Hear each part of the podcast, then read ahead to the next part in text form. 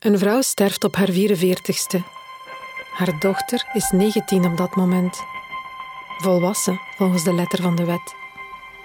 In deze rij ben ik de kleindochter van een grootmoeder die nooit grootmoeder werd. Dit is mijn relaas van de reis om haar te vinden. Ik ben Eva de Grote. Je luistert naar de derde aflevering van Nabij, een podcast over moeders en dochters. Ik zal maar beginnen met toe te geven dat ik deze onderneming geweldig heb onderschat. Ik ben begonnen aan dit avontuur vanuit een verlangen om meer te weten over Odette. Wie was deze vrouw die mijn grootmoeder was en die ik nooit heb gekend? Maar mijn vroete brengt veel deining teweeg. Niet in het minst bij mijn moeder. Ik uh, een leven zo weinig mogelijk op ons ma proberen te pijzen. En doordat jij erover begonnen bent, ik er ongelooflijk veel op gepijst. En hoe meer dat pijst, hoe meer dat er weer komt. Door deze zoektocht is mama meer aan haar moeder beginnen terugdenken. En hoe meer ze dat doet, hoe meer ze zich herinnert. Waar zijn mama, hè? Ik heb er zitten. Ja, hoe noemde bij ons moeder nou? Ze noemde haar moeder meestal mama of ma. En als ze lief wilde zijn, maken. Allee, het is het dat je als kind kunt tegenkomen. Je moeder verliezen.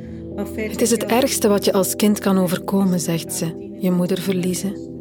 Je bent niet alleen je moeder kwijt, maar ook in één beweging je thuis. Ik heb tegen Guido van de Bekke gezegd... Dat ze dol verliefd was op mijn vader, is wat haar toen heeft overeind gehouden. We worden zot verliefd op elkaar. Toen Odette stierf, zat mama in het eerste jaar van de verpleegsterschool. Ze was er op internaat en kwam maar twee weekends per maand naar huis.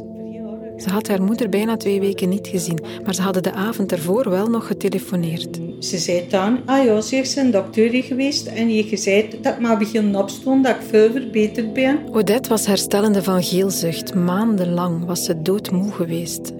Nu leek het erop dat ze zich eindelijk beter begon te voelen. De dag erna ging mama naar huis voor het weekend. Kun je dat voorstellen? Dat je zo de stroten komt opgedraaid en dat je zo vijf, zes auto's zit staan? Dat is best, oei, wat is er dan? Ze ging naar binnen en kreeg te horen dat haar moeder een paar uur tevoren gestorven was. Daar lag ze, Odette, opgebaard in haar bed. Op de manieren van vroeger, hè. Schoenen werd lopen, hè. eindjes gevonden, wat nooster ertussen. De mega kwam thuis van school, je zegt van niet bewust. GSM's en al, dat bestond niet, hè. En wie een keer kleine zo'n klop op. De wereld stond stil. Maar in het huis was het druk. De pastoor was er, familieleden en mensen uit de buurt liepen af en aan om hun steun te betuigen. Dat was familie langs alle kanten. Als er iemand stierf, was het net alsof er iets gezelligs gebeurde. Met een voortdurende stroom van koffie en koekjes. En koekjes. En iedereen kwam te, ja, zijn medeleven vertellen. Maar daarachter valt in een vrije gat natuurlijk. Hè. S'avonds, als het bezoek weg was, gingen mama en haar broer en zussen bij Odette zitten. Ze praten tegen haar en hielden haar hand vast. Wat mama erg is bijgebleven, is hoe snel de huid van haar moeder veranderde. Haar huid werd koud en ging aanvoelen zoals was van een kaars. Dat vel is zo van u, dat kou hier en wasachtig. Na een paar dagen kwam de begrafenisondernemer er werd een rouwportaal gemaakt aan de voordeur en Odette werd in de salon van het huis in een kist met een binnenbekleding van wit satijn gelegd.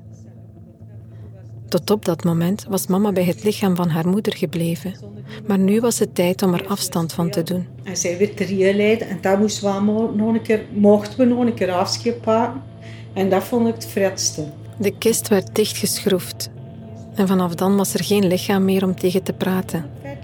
Zolang dat ze er nog was, zelfs als ze duurt, kostte nog klap, nou klapte het in eens. Het lichaam was er nog. Dat vond ik het ergste.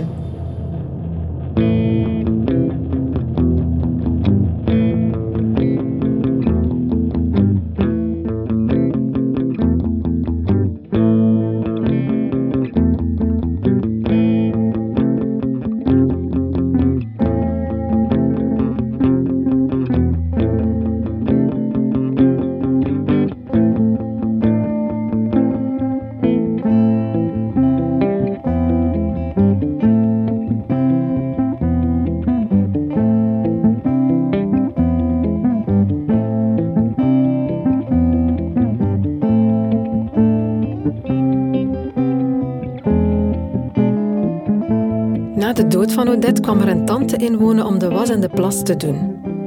Tante Anne had als kind polio doorgemaakt en daar had ze een mankende stap aan overgehouden. Ze was nooit getrouwd. Een paar maanden later was mama thuis van de verpleegsterschool voor het weekend. Tante Anne had boterhammen gesmeerd. Mama was om te oefenen een verband aan het aanleggen op de arm van haar zus. Soms is de realiteit meedogenlozer dan je in een verhaal zou durven construeren. was nog niet afgekust. En we zien ze waren zo gewoon. Zoveel gewone zo, zachtjes omveren, wil ze zo nog zus kunnen pakken. Tante Anna maakte een raar geluid en zakte opzij. Het was een beroerte. Ze lag nog een paar weken in coma en overleed toen. Niet veel later begon het nieuwe schooljaar. Mama deed stage in het ziekenhuis en ze had weekendshift. Ineens stonden daar een paar nonnetjes. Ze kwamen mama ophalen. Je moet meekomen en je moet naar huis, want het is iets gebeurd. Mijn broer heeft een accident gehad. Luc had een ongeluk gehad en de nonnetjes zouden haar naar huis brengen. Onderweg piekerde mama erover of Luc wel een verse pyjama had en propere handdoeken voor in het ziekenhuis. Allee, onnozel hè. Kwam nu de koer op. Ze kwam de koer op. Pepe stond haar op te wachten. Ik stap uit en hij stond met zijn arm zo. En hij pakt mij en hij zegt... Ons luksken is naar Nemelen. Bij zijn maken. Kun je dat voorstellen, Eva? Nee, ik kan het mij niet voorstellen. Wat een shock moet dat zijn geweest. Later die dag ging mama naar het dodenhuis om haar broer te zien. zorgt er niet toen, hè. Hij loopt fris schoon af met een glimlach. Sneeuwwit. Weet je, allemaal donkerbruine sproeten. We zoeken ze nog sproeten, hè. Maar voor de rest zo... Daar lag hij. Zijn sproeten lichten op in zijn witte aangezicht. Op een klein verband aan zijn slapen na waren er geen zichtbare verwondingen. Toch was hij ernstig toegetakeld. Niet geschoond. Bijs dat Pepe dat nog tegen mij zei, dat zijn hersens op strot lopen. En ooit hij zijn kask op gehad. Zo niet geweest, hè.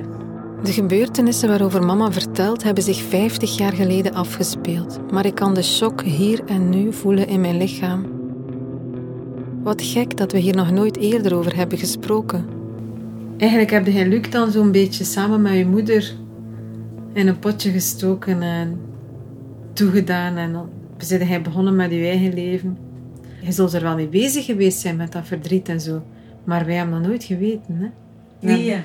En als ik daar dan later ooit een keer iets over gevraagd heb, nu weet ik natuurlijk wel beter. Maar dan kon ik niet afleiden dat dat iets was dat u raakte of zo. Want dat was zo nogal, dat, daar gingen we gewoon niet over spreken. Dat was gedaan, voorbij. En Ja, maar vroeger die huishoudens worden meer gesloten.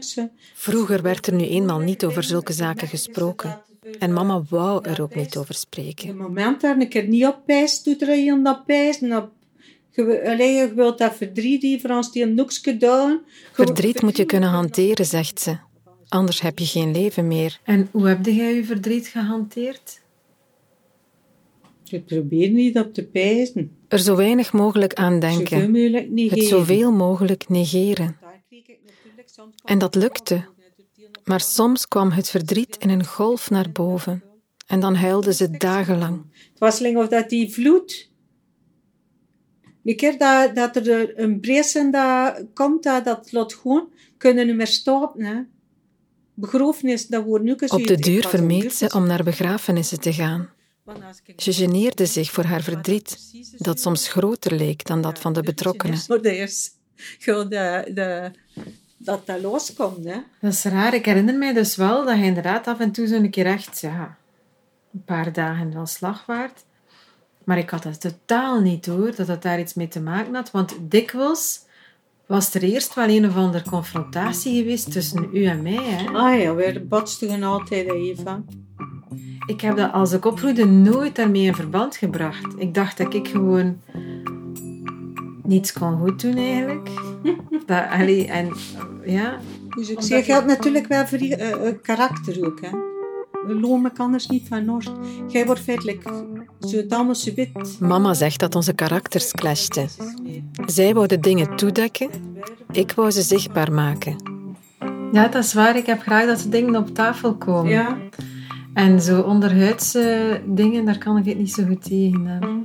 Het is waar, ik ben nogal confronterend van Maar we zijn geconfronteerd als kind geweest, ook zo. Omdat eh, ehm, als ouder werden gepakt op de punten waar dat al niet op eh, gemak mee voelt. Als je als ouder het gevoel hebt dat je de dingen niet goed aanpakt en je hebt een dochter rondlopen die dat bevestigt, dan ontstaat er een dynamiek waar je op de duur van wegloopt. Ja, maar dat is het zo, hè, Ivan. Alles heeft twee kanten. Hè. Jij bekijkt vanuit jouw standpunt en ik vanuit mijn. Hè. En dat kan een beetje verschillen, want onder ons gezegd en gezweet het karakter. Hè. Mama wijst er fijntjes op dat ik nogal een fel karakter had als kind. karakter. Toen ik veertien was, wou ik per se van school veranderen en zet ik daar op mijn eentje allerlei stappen voor. Mijn moeder was er falikant tegen. Ik dacht dat ik een attaque kreeg. Maar ik zei, heel, heel moeilijk. Hoe kan ze dat nou zien? Maar dat was op alle gebieden waar je zo'n beetje, hoe zou ik zeggen, tegendrots. je wil toch precies zo niet echt met de vloot mee. Zo. Vind je dat niet? Ja, wat, voor mij was dat natuurlijk niet dat ik opzettelijk tegen draad Nee. probeerde te doen. Ik had altijd het gevoel dat mijn vleugels werden dichtgehouden. En altijd als ik, als ik wou vliegen, was ik het gevoel had, dat moet ik niet doen of dat moet ik wel doen. Was het precies altijd Ja, dat alsof dat, we daar lijn, lijnrecht tegenover Ja, ja, ja. elkaar stonden. Ik had altijd het gevoel dat ik jou moest tegenhouden. Want we worden altijd schout dat ik met jouw kop tegen de muur lopen of zo, of dat iets ging Mama had altijd het gevoel dat ze me moest tegenhouden. De beslissingen die ik wou nemen strookten niet met wat zij mij graag zag doen. Het enige dat ik zelf nog vrij goed weet, dat ik een klein beetje gedaan had om u te pesten. dat was vegetariër worden. Oh, dat was zo erg. Oh. Grappig is, ik ben dat eigenlijk eerst geworden om u te ambeteren. En dan eh, daarna ja, heb ik alsmaar meer ontdekt op zoveel meer vlakken dat dat goed past bij mij. Hè. Niet alleen voor de dieren, maar vooral eigenlijk voor de voetafdruk. En, allee, dat, is dat, dat geef ik toe. Maar al de rest heb ik niet gedaan om te jennen. Later studeerde ik psychologie aan de universiteit, maar in het derde jaar besefte ik dat ik geen psycholoog wou worden. Ik hoor een gulpoon uitgestepeld. hè. En wij jou gepest. Ze gewoon eh, een psycholoog werden. En zo je link de wachter en zo. Mama had in gedachten al een heel parcours voor me uitgestippeld. Ik zou iemand worden met aanzien. Iemand zoals Dirk de Wachter bijvoorbeeld. Op een of andere manier voelde ik mij enorm eenzaam toen ik opgroeide. Ook op de nieuwe middelbare school voelde ik mij niet goed in mijn vel. En thuis had ik het gevoel dat ik allerlei dingen moest opvangen. Ik had ook het gevoel dat ik er allerlei taken moest opnemen. En dat is hetgeen dat, mij, dat zich altijd zo herhaald heeft in mijn leven. Van altijd zo willen fixen en, en, Ik pest dat dat... goed eh, doen en, oh, in, en eh, oplossen. Ik wou altijd Ja? overal dat er harmonie was. En hier thuis was het er niet. Er gingen wat dingen mis. En ik vond dat jij en papa daar niet genoeg oog voor had. En dan begon ik zelf van alles op te nemen. Wat dat ik natuurlijk En zo hadden we dikwijls ruzie. Mama zegt dat ik een grote mond had. Ja. Je gaat toch altijd een stad melken, zeggen ze bij ons. Dat kwam feitelijk omdat je nogal dikwijls een keer de ogen op de kop smet. We hadden vaak discussies. Als we er nu naar terugkijken, kunnen we alle twee zien dat er heel andere dingen onder zaten. Verdriet, dat ja, dat deelde je niet zo rap met je kinderen. Er was verdriet, maar dat probeerden ze niet door te geven. Maar gaat dat automatisch duren, een kind voelt dat. Als je gewoon niet goed voelt. Ja, maar ik denk dat je het niet altijd identificeert als verdriet. Als, als het moeilijk was tussen ons, zou ik nooit toen gedacht hebben... Oei, mijn, mijn, mijn mama Nee, heeft nee, verdriet. Ik dacht, zoals coleren of gewoon koos zijn. Hè. in de plaats van verdriet zag ik boosheid. En dat is feitelijk een, eh, een machteloosheid hè, die, die speelt. Je maakt dat goed als je niet weet hoe je moet reageren of wat je moet doen. Hè. Als je niet weet wat je moet doen, voel je je machteloos en maak je je kwaad. Verlies is iets raars, zegt mama. Je kan er een hele tijd mee overweg en dan komt het plots de kop opsteken. Het is als een gat. Dat je ze vroeg had, niet alleen in je, zielen, maar echt eh, in je leven. En je kunt dat niet compenseren met het. Hè. Want de keer dat het moeilijk had, naar waar wilde het naar je moeder. En hij dat niet meer. Ik vraag aan mama wat ze het ergste vindt aan het feit dat haar moeder zo vroeg gestorven is. Dat ze mijn kinders niet gezien heeft, hè. Want ze was steken zat van kinders. Nou beseffen dat nog meer, doordat ik zelf naar de team te gooien. We gaan altijd maar meer en meer te beseffen hoe dat, dat gemist heeft. Gekke? Vreer hoor. Nu pas, nu ze bijna 70 is, begint mama ten volle te beseffen hoe ze haar moeder heeft gemist en wat voor een gat er is geslagen in het familieplaatje. Als er één ding is dat ze graag nog had kunnen doen, dan was het dit: haar kinderen voorstellen aan haar moeder, mijn zussen en ik. S'avonds, terug in de stad, maak ik een wandeling in het park. Het is lente. De avonden zijn nog fris, maar de vogels zingen als gek. Mama had zo graag haar kinderen kunnen voorstellen aan haar moeder. Eigenlijk is dat gebeurd. In zekere zin. Hoe moet ik dat nu uitleggen? En hoe lang is dat ondertussen al geleden? Ik probeer het mij voor de geest te halen. Het was alleszins na die zomer van 2013 toen we kampeerden in Brakel. Was wellicht de zomer daarna. We waren op reis in Frankrijk, in Les Midi-Pyrénées. We kampeerden er vlakbij een riviertje. Ik had last van spanningen in mijn rug. Ik heb een stevige vorm van scoliose, een kromming van de ruggengraat. Ik belandde bij een lokale fysiotherapeut. Tenminste, dat dacht ik. Want toen ik er aankwam, bleek het een dame die eerder met alternatieve therapieën werkte. In het gesprek voor ik op de tafel ging liggen, stelde ze mij eigenaardige vragen. Zat er in mijn familielijn veel verdriet opgeslagen? vroeg ze. Wat had dat nu met mijn scheve rug te maken? Ze behandelde mij volgens een energetische methode waarbij ze me amper aanraakte. Ik weet niet precies wat ze deed. Mijn rugpijn verminderde wel, maar de volgende dagen was ik erg emotioneel, zonder goed te weten waarom. Op het einde van onze vakantie, voor we terug naar huis vertrokken, zocht ik de therapeut nog eens opnieuw op. Ik weet nog dat ik er stond met gevoelens van verwarring, van verwijt. Wat moest ik doen dan? Als dat verdriet iets met mijn rugpijn te maken had. Ze krabbelde iets op papier, iets met constellation familiale. Ik wist niets over die zaken, maar op een of andere manier was ik enorm nieuwsgierig geworden.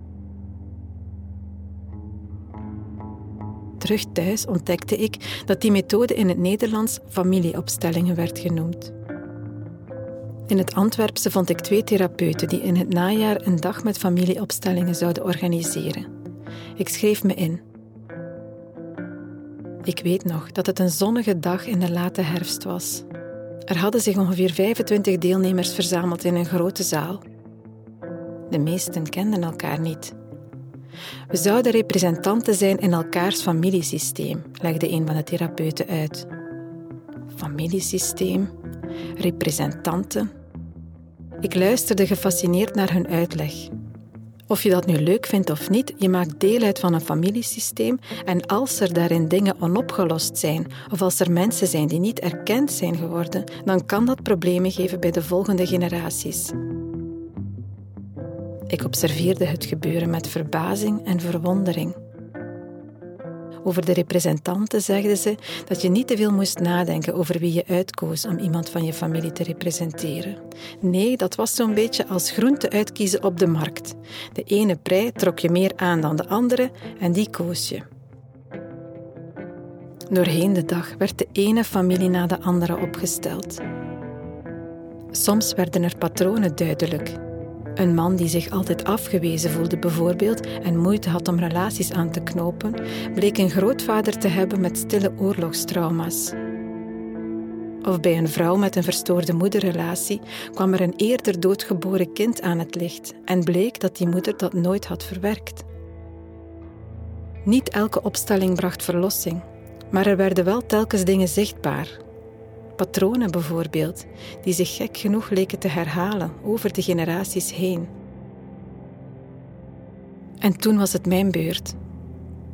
Ik was die dag de allerlaatste om mijn familiesysteem te zien worden opgesteld.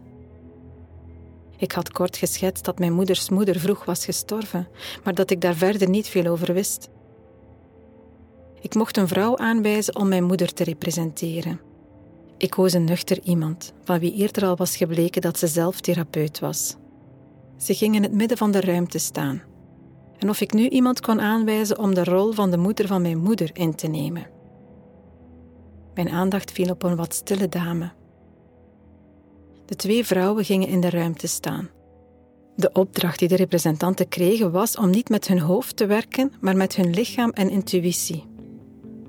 De vrouw die mijn moeder was, wendde zich meteen af en werd heel emotioneel. Dat verwonderde mij. Dat had ik in het echt nog niet zien gebeuren. De vrouw die mijn moeders moeder representeerde, bleef heel sereen en liefdevol staan. De therapeuten stelden allerlei vragen en er kwamen veel representanten bij.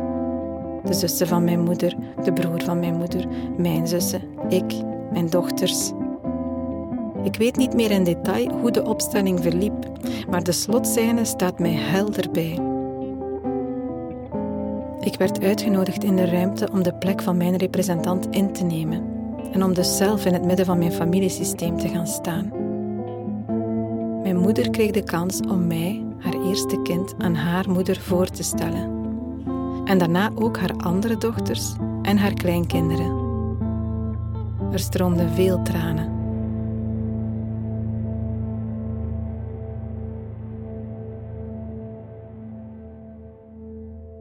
In de weken die volgden was ik meteen opnieuw erg druk bezig met mijn werk en met mijn gezin.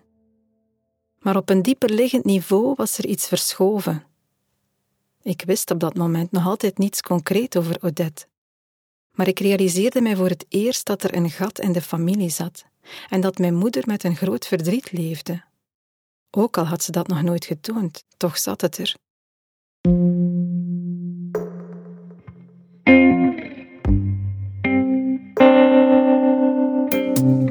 In de volgende aflevering zoek ik Tina Vervaken op. Zij werkt vaak met familieopstellingen. Ik deel met haar mijn ervaringen van de laatste maanden. En ik vat een onwaarschijnlijk plan op. Wat als ik mijn zussen en mijn ouders, mijn tantes en mijn oudste dochter zou samenbrengen voor een opstelling van onze familie? Dit was de derde aflevering van Nabij, een podcast over moeders en dochters. Nabij is een productie van Selkie, de audiomakerij van Ruben Nachtergalen en Eva de Grote. Selkie is deel van het podcastnetwerk Luister. Eva Moeraert is eindredacteur. Het eindlied is gemaakt en ingezongen door Smila Nachtergalen. Het brusk wegvallen van iemand in de familielijn is ook het vertrekpunt in mijn nieuwe roman Grond. Over wortels en hoe ze je ankeren. Meer daarover op evadegrote.be.